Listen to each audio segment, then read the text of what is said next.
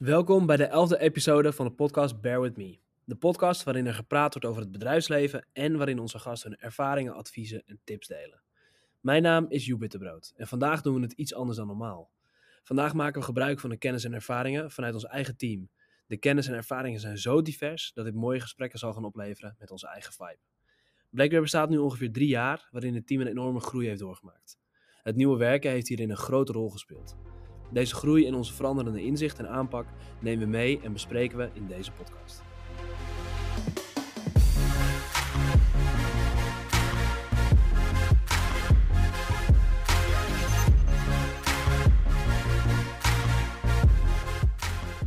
We beginnen met mijn collega's Michael en Ruben. Michael die werkt hier nu uh, één jaar op de afdeling Customer Success als Customer Success Manager. En Ruben werkt ongeveer anderhalf jaar bij Blackbeard op de afdeling Sales als Sales Development Lead. We delen in deze podcast samen onze ervaringen over het nieuwe werken. Maar om te gaan beginnen, ja, jullie zijn natuurlijk al een tijdje actief bij Blackbear, maar hoe zijn jullie hier eigenlijk gestart? Zal ik uh, beginnen, Mike? Ja, zeker. Trap okay. maar af. Trap ik hem af. Ik ben er een, uh, een halfjaartje langer bij dan jij, Mike. Dus uh, laten, we, laten we daarmee beginnen. Nee, klopt. Ik, heb, um, ik moest afstuderen. En um, toen ben ik eigenlijk via Facebook, um, zag ik een berichtje van jou, Joep, uh, geplaatst dat je op zoek was naar een marketing- en sales stagiair. En toen heb ik eigenlijk een uh, huisgenootje van mij aangetikt en toen zei ik van, nou, misschien is dit wel wat voor ons. Um, nou ja, toen hebben we samen gesolliciteerd. Um, en toen eigenlijk een, een paar weken later zat ik naast jou op kantoor. Dus dat is best wel snel gegaan. het was ook een stage, zeg maar. Ik had, ik had nog wat andere bedrijven gekeken, maar ik had meteen dat ik dacht van oké, okay, dit is echt een goede match. Ook omdat jij natuurlijk uh, en Stefan, de andere co-founder, um, SMNO hebben gedaan. De opleiding die we met z'n drie hebben genoten. Dus toen dacht ik, nou, laten we, laten we hiervoor gaan en laten we hier een succes van maken. Zo ben ik erbij gekomen. Ja, cool. Ik weet ook je wonderbaarlijke sollicitatiemoment toch. ja, daar is het nog vaak over gegaan, inderdaad. Maar uh, vandaar inderdaad dat ik dacht van, ik ben inderdaad toen naast je gaan zitten, maar dat was eigenlijk al uh, um, bekend toen ik uh, de ruimte binnenstapte. Toen zei ik meteen van, dat plaatsje is van mij. En toevallig ja. was hij ook naast die van de grote baas, dus dat had ik goed uitgekozen. en dat karakteriseert denk ik ook wel een beetje het Blackbeard DNA. Jawel, ja. Ik denk, in die zin is het best wel jong en informeel. en iedereen staat is gewoon heel dicht bij elkaar. En eigenlijk nu, uh, we zijn best wel gegroeid sindsdien. Want toen ik uh, begon waren we met zeven man, dacht ik. Uh, nu zijn we met een mannetje of 30, 35. Um, maar nog steeds de afstand tussen, ja, tussen jou en, en mij, of tussen jou en nieuwe stagiairs die er komen, die is even groot. En ik hoop ook wel dat dat nog even zo zal, zal blijven, zeg maar, op persoonlijk niveau. Ja, ja, ja zeker. Nou, daar streven we natuurlijk naar. En jij dan, Mike? Ja, hoe ben ik bij Blackbeard gekomen? Eigenlijk uh, bij mijn vorige, mijn vorige werkgever. Daar uh, was ik recruiter uh, nou ja, in de Java-wereld.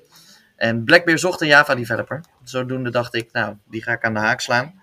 Ik ga mijn verkoop skills laten zien.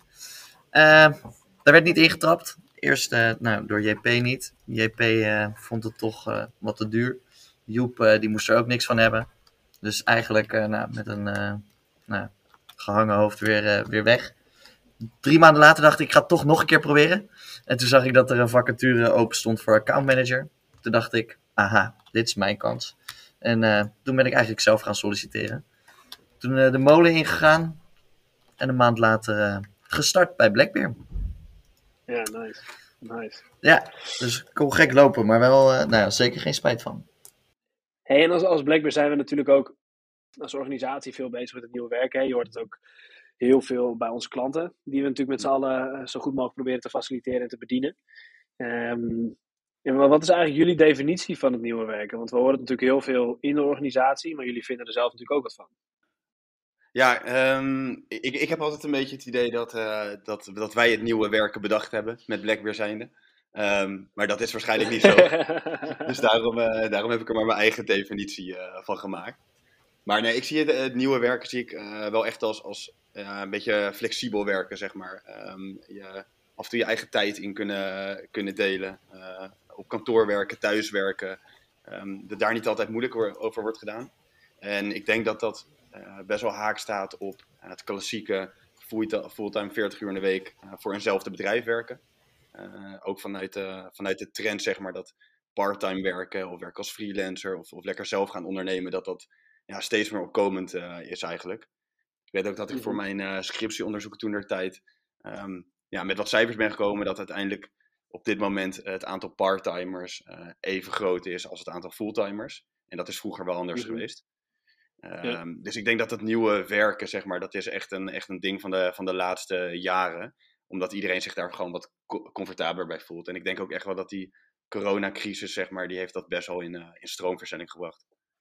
Waarom denk je dat dat dan daardoor ook in stroomverzending is gekomen?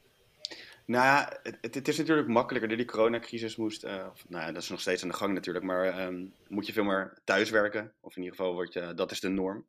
En ik denk daardoor dat het allemaal vanzelf wat, uh, wat flexibeler wordt. Um, kijk, als je, als je thuis werkt, kan je natuurlijk je eigen uh, tijd indelen. En sommige mensen die, die komen om vijf voor negen hun bed uit en die zitten om één voor negen klaar met een koptelefoon op en nog niet gewassen haar voor de daily stand bij wijze van spreken. En ik vind dat eigenlijk wel heel erg um, passend bij, dat, bij het nieuwe werken, zeg maar. Dat dat gewoon kan en dat je niet, uh, nou ja, stel dat je van, uh, van Schagen naar Amsterdam moet. Uh, dat je om kwart over zeven in de trein moet zitten om, om op je werk te zijn. Ja, ja kan ja. ik me goed voorstellen. Eens. En ik sluit me daar eigenlijk volledig bij aan. Het nieuwe werk is voor mij inderdaad het flexibel werken. En of dat dan het aantal uren is, de locatie of dat je zelf als bedrijf alles wil oppakken. Terwijl je ook weet dat je niet nou ja, alle kwaliteiten in huis hebt. Ik denk dat dat inderdaad wel het nieuwe werk is. Niet meer inderdaad, zoals Ruben al zegt, het traditionele 40 uur op kantoor zitten, standaard van 9 tot 5. Nou ja, dat, dat, dat, dus dat er wel een beetje vanaf is. Ja. Veel meer variatie dus ook. Wat, wat jullie echt aangeven bij het nieuwe werken. Ja, ja, en ik, ja vooral gewoon flexibel. Mhm. Ja. Ja. ja en, en als je ook kijkt naar die ontwikkelingen daaromheen, hè, Nee, ga je gang nu. Oh, yes. Ja, kijk, aanvullend daarop denk ik dat het wel met uh, verschillende sectoren te maken heeft. Kijk, uh, voor ons is het natuurlijk best wel uh, redelijk digitaal wat wij, wat wij allemaal doen. Dus dan kan het ook. Dan heb je ook die mogelijkheid om flexibel te werken. Maar er zijn natuurlijk ook heel wat sectoren waarin die klassieke fulltime 40 uur werkweek gewoon de standaard is en ook nog wel zal blijven, zeg maar. Um, dus ik denk dat het inderdaad enerzijds is het, is het een heel erg een trend, maar ik denk dat er ook best wel wat uh, bedrijven zijn die, die, gewoon hier nog in blijven hangen en dat de komende tijd ook nog wel zullen doen. Ja, ja want je merkt natuurlijk ook dat er best wel veel ontwikkelingen zijn hè, rondom nieuwe werk. Want ik, tenminste, hoe ik het zie, hoe wij ook Blackberry gestart zijn, merk je dat nieuwe werk ook een soort van buzzword is. Want de een zegt van ja, het, het is in de metaverse met VR-meetings en dat je elkaar wel fysiek ziet, maar toch dat het weer digitaal is. En ik denk ook dat het zelf continu blijft ontwikkelen. Hoe, hoe zien mhm. jullie die ontwikkelingen dan? Hè? Want die ontwikkelingen zijn door corona ook versneld, wat je net al zei, Ruben. Maar wat voor ontwikkelingen zien jullie nog meer gebeuren? Wat verwachten jullie nog meer als je nu kijkt ook naar je rol binnen Blackbeard en wat je hoort vanuit klanten? Mm, als ik kijk naar wat klanten doen, denk ik dat klanten zich steeds meer gaan specificeren op nou ja, hetgeen zij echt het beste in zijn. Uh, alle randzaken eromheen, die natuurlijk, nou ja, die wij op dit moment bijvoorbeeld voor onze partners oppakken. Ik denk dat dat ook steeds meer gaat gebeuren. Dat dat steeds meer, nou ja, ergens extern neer wordt gelegd. En dat elk bedrijf zich nog meer toe gaat spitsen op waar zij al heel goed in zijn. Ja. Um, ik denk dat dat wel een trend is die we nou ja, steeds vaker zullen zien.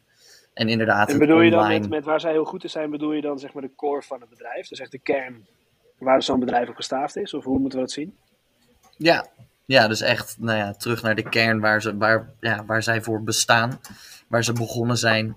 Uh, en alles daaromheen ja, proberen dat extern neer te leggen. Waardoor uiteindelijk iedereen nou ja, zich nog naar een nog hoger niveau kan, uh, ja, kan bewegen. Ja, ja, dat kan, kan ik me goed voorstellen. En dat heeft natuurlijk ook nog te maken met een deel remote werken, denk ik. Hè? Tenminste, dat horen we natuurlijk ook steeds vaker. Dat remote werken ook die veel recruiters nu die op Bali zitten, of die in Spanje zitten, of die denken van ja, ik ben niet meer locatieafhankelijk om mijn, uh, mijn job te doen. Maar je hoort zelfs ook wel hele, hele pittige dingen. Dat je denkt van ja, weet je, kantoor verdwijnt. Er is gewoon eigenlijk geen kantoor meer. Of het wordt misschien een soort van verzamelplaats voor mensen. Hoe, kijken jullie daar dan naar? Vanuit eigen ervaring, maar ook misschien wel vanuit uit de partners die wij hebben? Ja, ik, ik denk wel dat dat um, ik vind dat, dat wel jammer, zeg maar. Ik zou het jammer vinden als, uh, dat er, als er echt kantoren zouden gaan verdwijnen. Want ik denk dat het wel fijn is dat je altijd de optie hebt om naar kantoor te gaan. Om met je collega's fysiek samen te zijn. Ehm, en als dat op een gegeven moment zal verdwijnen en het, het, het, wordt helemaal digitaal, zeg maar, je gaat alleen nog maar verzamelplaatsen krijgen, um, ja.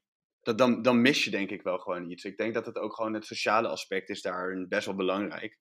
Uh, en dat je, dat je inderdaad gewoon een koffietje drinkt met een collegaatje, even daar uh, bijpraat bij de koffieautomaat, uh, wat brainstorm sessies hebt, dat je elkaar gewoon echt kan aan, aan, aanspreken en elkaar kan aankijken. Um, en ja. mocht dat op een gegeven moment helemaal vervagen, um, dan denk ik toch wel dat je iets, iets mist of zo in je, ja, in je werk. Ja, en dus eigenlijk als, als Blackbear zijnde zeg je, als Blackbear zijnde zeg je eigenlijk van, joh, wij mogen kantoor niet, uh, niet wegdoen. Helemaal niet. Nee, nee, nee. Kijk, we zitten natuurlijk sowieso nu op een uh, prachtig kantoor waar we nog geen jaar zitten. Um, dus ik, nee, dat, dat sowieso niet. Maar ik denk gewoon, kijk, het, het, zou natuurlijk best wel kunnen zijn dat op een gegeven moment, hè, dat je misschien met wat meer bedrijven ook je, je kantoren gaat delen. Je ziet nu dat er veel meer gebouwen zijn waar ook uh, nou ja, verschillende scale-ups en start-ups zitten. En ik denk dat dat juist heel goed is, want daardoor heb je een beetje, ja, je kan met elkaar toch die energie delen, die nieuwe ideeën. en dat is allemaal fijn. Um, maar ik denk niet dat de huidige kantoren, zeg maar, daar de type van moeten zijn. Dat is hoe ik het zie.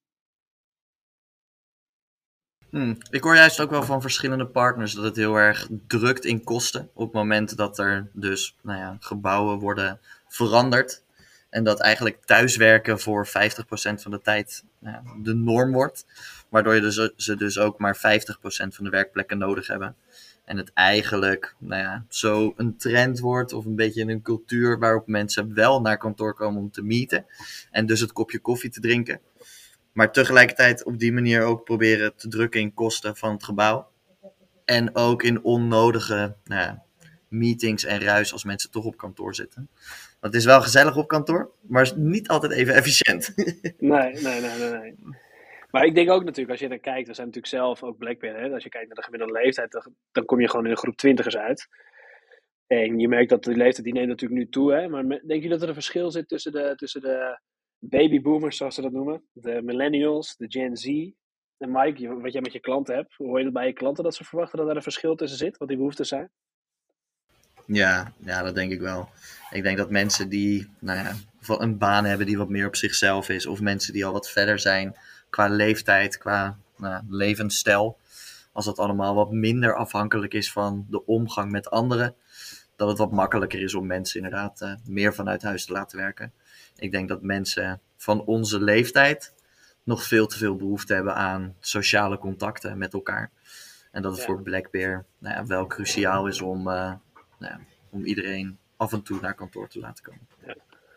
Maar het heeft dan ook een soort van te maken met de, de, de tone of voice. Hè? Want als je wat ouder wordt, krijg je natuurlijk andere behoeftes. Dan hoef je misschien niet meer met z'n allen uh, op, op je kop te staan in Antwerpen als je het goed gedaan hebt. Zoals wij natuurlijk als mooie doelstelling met elkaar stellen.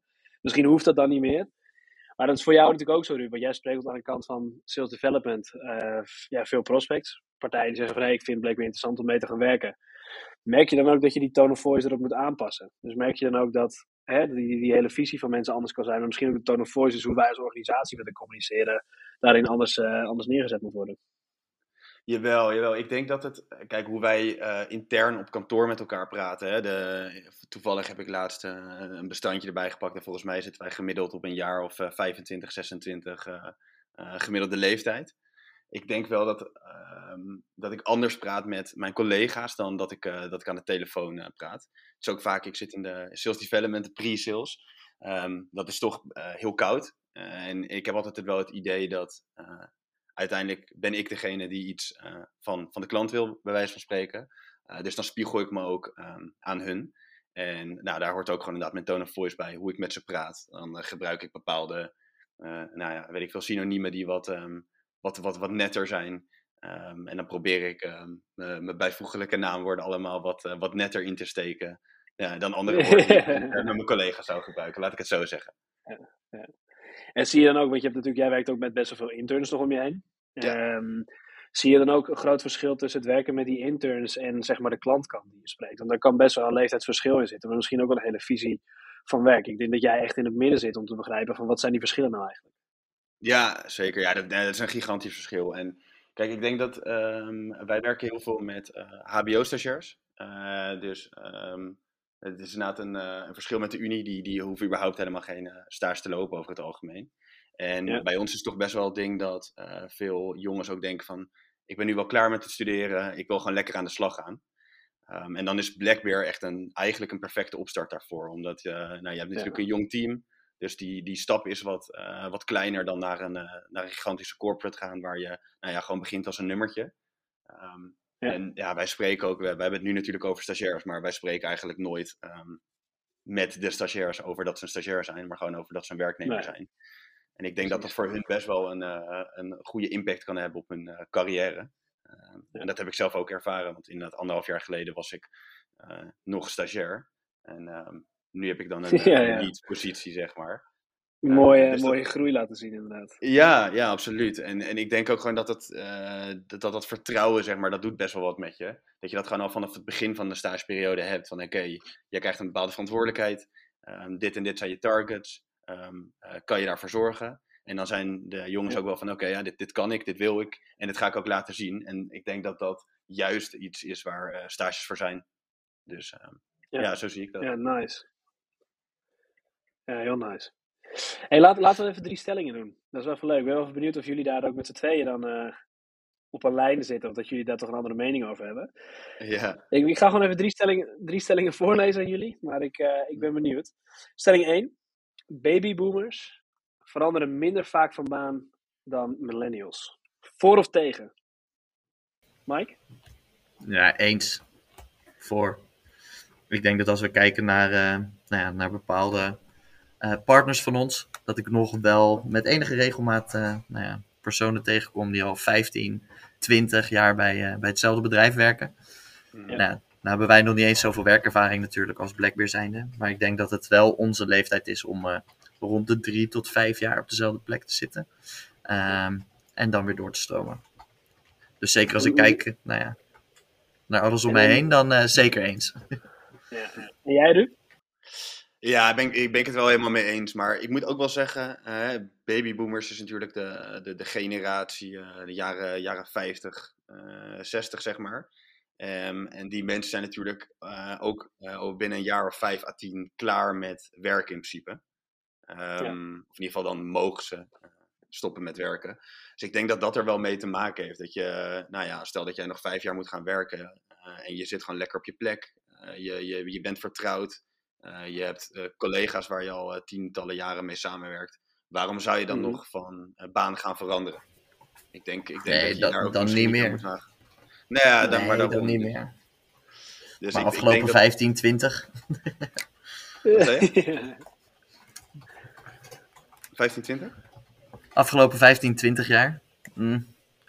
Die laatste vijf zou ik denk ik ook niet meer veranderen. Maar nou, als je 15, 20, 25, 30 jaar bij hetzelfde bedrijf zit, ja. dan weet je wel ja. uh, alle ins en outs. Maar heb je ook nee, weinig verschillende dingen gezien, denk ik. Nou, het kan natuurlijk Klopt, ook een comfortpositie zijn, hè? Voor veel mensen. Mm -hmm. Dat ze denken van, het ja. biedt gewoon conform daar, uh, om daar natuurlijk te zitten. En misschien is die verandering, hè, de mensen is van nature ook niet echt veranderingsgericht. Hoewel we heel erg innoveren natuurlijk, maar de mens vanuit de natuur zelf vindt het niet prettig om verandering te hebben. Joh. Denk maar eens na of als ik tegen jullie zeg van joh, neem even een ander bureau. Of ja, jullie krijgen een flexdesk. Dan denk je ook van ja, maar wacht even, dat vind ik niet lekker. Nee, nee, nee. Daar ben ik het wel mee eens. Maar ik moet overigens wel zeggen, ik denk dat millennials, um, wat Mike ook zegt, uh, drie tot vijf jaar op eenzelfde plek blijven. Dat vind ik op zich nog ja. redelijk uh, lang. Want ik denk dat er genoeg uh, mensen zijn tussen de 20 en 30 die elke anderhalf ja. jaar, elke twee jaar van, van baan verwisselen. En ik denk dat dat ook heel erg ja. mee te maken heeft met een soort van ja, bewijsdrang en carrière-tijgerachtigheid. Dat die gewoon zo snel mogelijk willen groeien. Hè. De arbeidsmarkt is nu best wel krap. Je, als je switcht kan je zo weer ergens een paar honderd euro meer verdienen. En ik denk dat dat juist ook de gelegenheid maakt om verschillende stappen te maken. Daarnaast denk ik ook dat ze, um, ja, millennials die vervelen zich wat sneller. Um, dus die hebben ook al heel snel van oké, okay, ik werk nu een jaar hier. Ik heb het nu wel gezien. Um, misschien blijf ik nog een uh, halfjaartje om even uh, te etaleren in mijn positie. En uh, daarna ben ik wel aan iets nieuws. Dat, dat ja. is wel Kijk uit wat je zegt, hè? Kijk uit wat je zegt. Ik wou, ik wou zeggen, ik moet wel zorgen maken. nee, nee, nee. Ik, Over ik, een half jaar dus. ik weet niet of dat voor, voor, iedereen geldt, maar als ik, als ik deze stappen mag blijven maken, Joep, dan, dan blijf ik nog wel even. Ja, kijk, kijk mooi. Hij wordt, hij wordt ook opgenomen, hè, dus ze hebben dit vaststaan. Ja, ja, ja ik geloof klopt, klopt, klopt, klopt. Hey, maar aan de andere kant is het natuurlijk ook, eh, dat is ook stelling 2, hè, daar ga ik even een beetje op voorsorteren. Want je merkt ook dat eh, steeds meer gaat ook online. Je merkt ook wat wij met Blackberry doen. Hè. We werken eigenlijk, alle solvers die pakken heel erg remote, digitaal het werken voor organisaties. En ook steeds meer organisaties raken er gewend aan. Dus je merkt toch dat die digitale component wel echt belangrijker wordt. Dus dan heeft ja, Zuckerberg misschien met zijn metaverse wel helemaal gelijk dat op een gegeven moment richting zo'n kant gaan. Maar dat kan natuurlijk ook eigenlijk precies stelling 2 zijn. Uh, dat het lastiger wordt voor mensen om mee te gaan. Dus laten we meteen voor stelling 2 uh, eh, doorgaan. Het wordt steeds lastiger voor ouderen, ouderen om het online landschap te begrijpen. Voor of tegen? Eens. Eens, eens, eens. Mag ik daar even, um, is het, bedoel je met ouderen? Welke, welke leeftijdscategorie bedoel je daarvoor? Echt als in ja, dus 60 bij, plus? Bij ouderen, wordt, ja, bij ouderen wordt echt heel erg vaak aan, aan echt ouderen gedacht. Hè? Alleen in mhm, dit mhm. geval hebben we het gewoon eventjes over ouderen die dus al langer ook in werk zitten. Dus die best wel wat crisis hebben meegemaakt in hun werk. Dus dat is wat, dat, laten we zeggen, de babyboomers. En mhm, niet dat het dus zeg maar de, de oudste generatie is, maar gewoon mensen die gewoon meer ervaring hebben en die ook meerdere manieren van werk hebben meegemaakt, maar nu in één keer een shift moeten krijgen naar digitaal, waarbij ze een grootste gedeelte van de carrière non-digitaal gewerkt hebben. Ja, ja, klopt. En, en juist daarom, ik, ik, ik pak dan even mijn ouders bijvoorbeeld erbij. Uh, kijk, mijn, mijn vader werkt in de IT, zeg maar. Dus die is heel erg bezig. Die moest heel erg mee met die uh, digitale ontwikkeling. Die is uh, daarin ook verder dan ik bijvoorbeeld. maar mijn moeder daarentegen, die, die is inderdaad ook niet opgegroeid met het digitale landschap en met de computer en wat dan ook. En die loopt dan weer ver achter op mij, wat betreft het meegaan in het online landschap. En ik denk dat zij nou, niet per se is niet symbool daarvoor staat. Maar ik denk dat met haar heel veel anderen ehm, van haar leeftijd dat ook hebben. Dat die, uh, dat die ook nog niet mee zijn gegaan met dat online landschap. Omdat je daar gewoon niet mee bent opgegroeid. En het, is gewoon lastig om dat, te, lastiger om dat te, te adopteren van, van je kinderen of van buitenaf dan als je er echt mee opgroeit. Ja, ja geloof ik ook. Ja, wat ik zie bij partners is ook wel inderdaad dat het heel erg afhankelijk is van welke functie heb je en binnen welke sector werk je. Mensen die inderdaad wat meer in de zorg werken en die dat altijd al gedaan hebben. Ja, daarvan zie je dat het toch lastig is om. Als je altijd met teams hebt gewerkt en je moet nu naar Google, dan is dat voor sommige mensen echt een drama. Uh, de mute-knop. dat, soort, ja, dat soort dagelijkse... Ja, je, je, je, kan het natuurlijk ook niet kwalijk nemen. Want ze zijn gewend om hun hele leven gewoon non-digitaal te werken. En in één keer worden ze natuurlijk ook geforceerd door die technologie die gewoon exponentieel aan het groeien is. Waarbij het ja, zomaar gewoon vast verwacht wordt van ja, hier, succes, ga maar even digitaal werken. ik denk ook niet dat het... Zo'n partij het is ook niet erg. Zeggen, wij willen per se Google Meet gebruiken. nou, het is ook niet erg, maar ik denk dat het goed is dat nou, wij als partij ons bijvoorbeeld ook weer aanpassen. Zoals we bijvoorbeeld hebben gedaan door ook teams te integreren, dat soort dingen. Daar rekening mee te houden. Om het toch makkelijker te maken. En uiteindelijk. Dat is het minste wat we kunnen doen. Precies. Iedereen weet uiteindelijk toch wel mee te komen. Ja, kijk, en je moet het ook kunnen faciliteren. Hè? Ik denk dat je altijd water bij de wijn moet doen. En voor ons is mhm. dat denk ik wat makkelijker dan van iemand verwachten die eigenlijk nooit digitaal werkt. Zeggen van ja, weet je, we gaan een hele fancy digitale workshop geven. Succes. Mhm. Maar ik denk dat we onze rol er zelf in ieder geval wel goed in nemen. Maar laten we hem ook doorpakken naar, uh, naar stelling 3. Want dat is wel, ja, ja, is ook wel een beetje een, een gevoelige stelling, denk ik, voor sommige werkgevers. Ehm, ik ben heel erg benieuwd hoe jullie het zelf ook zien. Want je werkt natuurlijk op afstand, hè? Steeds meer thuiswerken betekent ook dat je, dat je uh, elkaar niet meer fysiek ziet. Ja, je ziet niet de monitor van iemand anders. En stelling 3 is dan ook, ja, er is minder overzicht over het werk dat verricht wordt bij thuiswerken dan wanneer teams op kantoor werken. Voor of tegen? Oeh, ja. Hangt heel erg van het team af, denk ik. Ik denk dat je bijvoorbeeld bij het team van Ruben en bij mijn team, dat je nog steeds wel kan zien wat er gebeurt. Het is natuurlijk best wel output gedreven. Hoeveel mails worden er gestuurd, maar ook hoeveel mm. challenges worden er ingepland.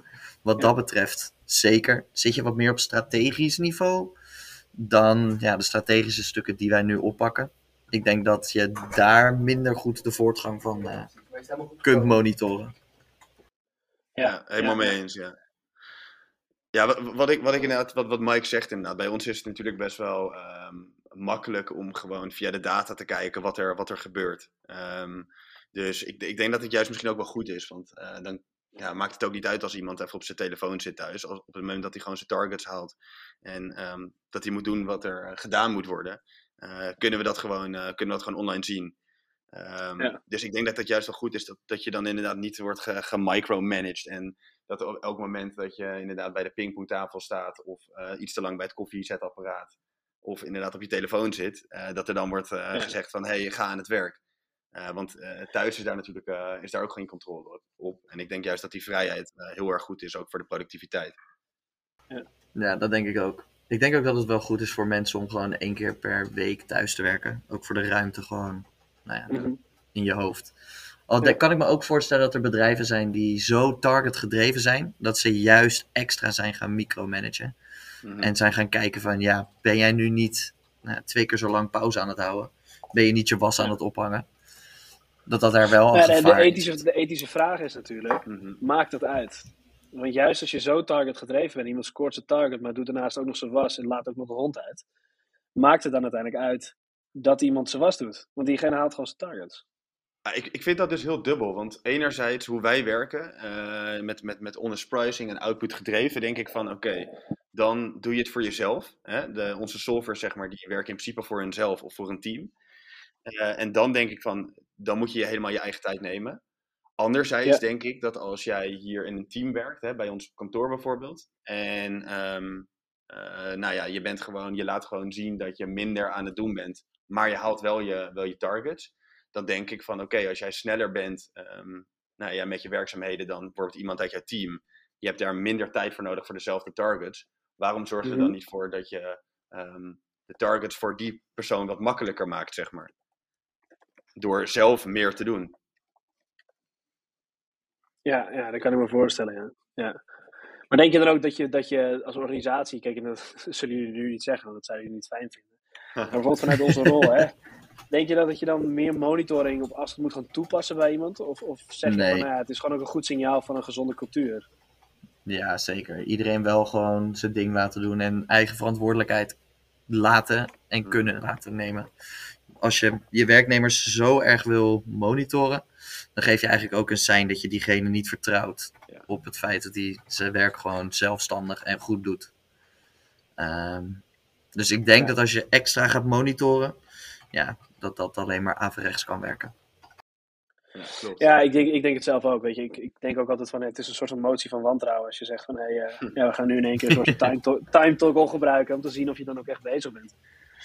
Ja, ja. ja, maar mijn vorige werkgever moest je per se via een bepaalde app bellen, zodat ze aan het eind van de dag konden zien of je wel uh, een aan, x aantal minuten had gebeld.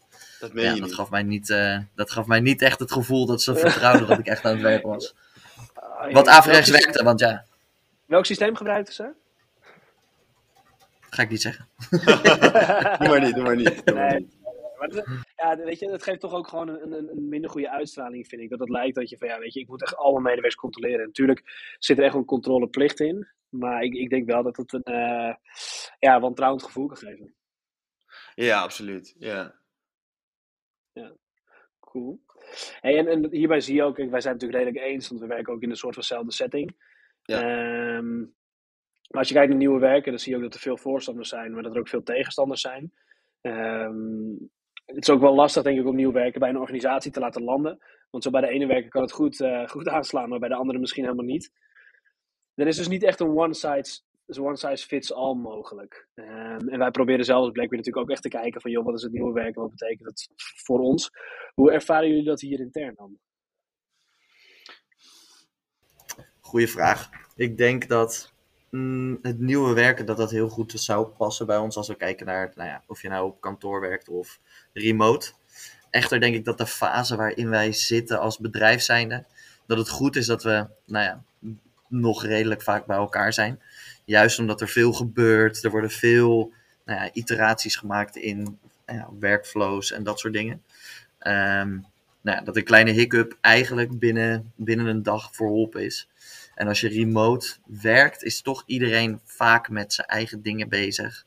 Um, dus ik denk dat het goed is voor de fase waarin we zitten, dat we nou ja, nog redelijk vaak bij elkaar zijn. Maar het nieuwe werken zou ons zeker passen. En naarmate wij gaan groeien, denk ik dat die cultuur ook zeker er, uh, ja, er, ja, dat dat meegroeit. Ja, en ik denk ook wel dat we op zich al wel redelijk, hoe, hoe mijn definitie van het nieuwe werken dan is, dat we daar op zich ook wel redelijk in zitten. Hè? We, we zijn heel flexibel in die zin. Het is inderdaad Mhm. wel zo wat, wat Michael ook zegt. Eh, op een gegeven moment, eh, we zijn nu heel veel aan het bouwen, eh, innoveren. Op het moment dat ieder iemand bij de, bij de lunch met een nieuw idee komt, dan kan dat, als het echt een goed idee is, kan dat direct worden geïmplementeerd, bij wijze van spreken.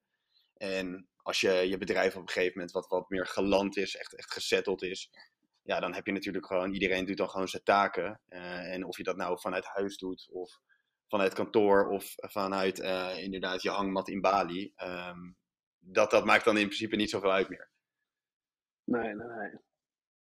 Sluit natuurlijk ook wel aan bij on- onze visie als bedrijf. Als je daar naar kijkt. Ja, ja klopt. Ja, Mike heeft hem ooit heel mooi eh, geformuleerd, inderdaad. Weet je die nog, Mike? Uiteraard, uiteraard. Was dat op zo'n iedereen- vrijdagmiddagborrel? Ja, dat was op een vrijdagmiddagborrel, ja. Hè? Ja, ja, ja. Ja, Laat, volgens mij laten, we, laten we die eh, in, de- in de aftercare van deze, van deze podcast meenemen. Ja, doen we dat. Doen we dat. Doen we dat. Top. Hey, en en om, om een beetje tijdswaking te doen, hè? Hmm. Ehm, ja, we, we kijken natuurlijk ook heel, heel veel vooruit met klanten, maar ook intern als Blackberry zijn, dan kijken we natuurlijk heel erg vooruit. Wat denken jullie dat er nog rondom het remote werken, nieuwe werken, ook het manier van werken met ons model, zeg maar, gaat veranderen in de markt? Dus je kijkt gewoon naar de workforce wereldwijd.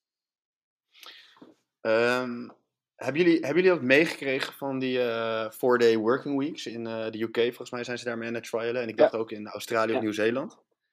Ja, dat, dat is een beetje hoe ik... eh, nou ja, dat vind ik dan ook een vorm van het nieuwe werken, zeg maar. Dat Mhm. er wordt aangegeven of er wordt beweerd dat waarschijnlijk met vier dagen in de week je productiever bent dan vijf dagen in de week. Ehm, Ja. Omdat je dan inderdaad je, je, je hoofd wat, wat meer rust kan geven. Eh, dus dan ben je in die eh, vier dagen meer productief dan in de vijf dagen dat je anders zou werken. Ehm, en ik denk dat dat er dus eh, steeds meer van gaat, ga- gaat komen. En ik denk dat dat wel meer is bij gezettelde bedrijven. Want bij nou ja, bedrijven als, als Blackbear of inderdaad jonge innovatieve bedrijven moet er gewoon gebouwd worden. Dus dan is elke minuut, elk uurtje, elke dag is gewoon mooi meegenomen. Maar ik denk Ja. op een gegeven moment dat, dat iedereen zich daar aan dat soort dingetjes gaat wagen. Ja, zeker. Ik denk ook qua uren of dagen dat mensen werken, dat we daar naartoe gaan. En ik was laatst bij, eh, bij een van onze partners en die, eh, die gaf mij een VR-bril. En die heeft zijn kantoor volledig laten nou ja, herbouwen. Eh, maar dan in een virtuele ruimte. En ik denk dat we daar ook wel naartoe gaan. Het maakt straks denk ik niet meer uit waar op de wereld je zit. Je kan een digitale vrijmibo hebben met iemand aan de andere kant van de wereld. Terwijl je echt het idee hebt dat je naast diegene staat. Gaaf, ja. Dat is ook wel lekker, nou want dan heb je dus ook niet de discussie over moet je Amstel, Heineken of Gros drinken. Dan kan je gewoon lekker voor je eigen biertje gaan. Ja, precies. en, eh, ja, het, hij liet het ook zien. En we liepen nou, een beetje door die ruimte. En hoe verder weg die liep, hoe zachter zijn stem ook werd. Dus het was echt super realistisch. Ja. En ik denk dat, nou ja, hij liet ook zien dat je met z'n allen aan een tafel kan zitten als in een meetingruimte. Nou, als we daar naartoe gaan. Ja, dat lijkt me wel. Dat ik lijkt denk me wel wel dat tegen die tijd dat we dan geen Amstel, Heineken of Grols meer drinken. Maar dan zit wel echt iedereen aan het blackbier. ja, dat zou wel een mooie zijn als we dat kunnen doen. Dat zou wel lekker zijn. Ik wil die zo laten Hij duurde even voordat hij bij Michael binnenkwam. Nou, ik moest even nadenken of ik dit wel grappig vond. excuus, excuus, excuus. Hij is, hij is in ieder geval gemaakt. Hey, en, en, Ja. weet je, ik vind het ook een mooie afsluiter voor, eh, voor, voor deze podcast met jullie. Superleuk om het ook even met jullie eh, te doen. Maar voordat we nog echt naar de afsluiting gaan, nog één vraag. Wat voor tips zouden jullie mee willen geven aan partners om dat nieuwe werken te omarmen? En dan gewoon even En, kort, eh, kort en krachtig. Kijk wat past bij jou en de behoeften van jouw medewerkers. Mooi. Oké, nice. Eh, ik zou zeggen, ehm, plan een videocall met Blackbear. Ja? Goede call to action. Ja? ja, en waarom, nee, ja, als je die kan toelichten, Rup? En waarom, als je die zou kunnen toelichten? Nou ja, kijk, ik denk dat ehm, wij werken eh, met onze solvers heel erg volgens het nieuwe werken, zeg maar. Ehm, en eh, wij hebben inderdaad voor, voor, voor elk vraagstuk hebben we wel een oplossing in principe in de pool zitten. Dus eh, mocht er inderdaad iemand zijn die zegt van hé, hey, ik wil, eh, wil dit voor onze partners, ik wil dit eh, implementeren, dan kan je gewoon bij Blackbear a- aankloppen en dan eh, zorgen wij wel dat we, dat we direct iets voor jou implementeren. Dat, dat denk ik. Nice. Kijk, dat is een mooie. Laten we het ook daarmee afsluiten. Michael, Rup, ontzettend bedankt vanuit mij dat jullie een andere invulling, invulling wilde geven aan deze podcast. Normaal doen we het natuurlijk met partners. Ehm, maar ik dacht, het is ook echt super leuk om een keer met wat mensen van Blackbear zelf in gesprek te gaan. En eh, een beetje de vibe te laten zien die we hier ook intern hebben. Maar waar we ook over nadenken en hoe we er ook over nadenken. Ontzettend bedankt nogmaals. En eh, nou, dat er nog vele podcasts als deze mogen volgen, denk ik. Ja, Ja, absoluut. graag gedaan. Graag gedaan. Top. Ik vond het leuk. Top. Ik vond het super gezellig. Super. Yes. Thank you very much. Jullie. Hoi. Doei doei.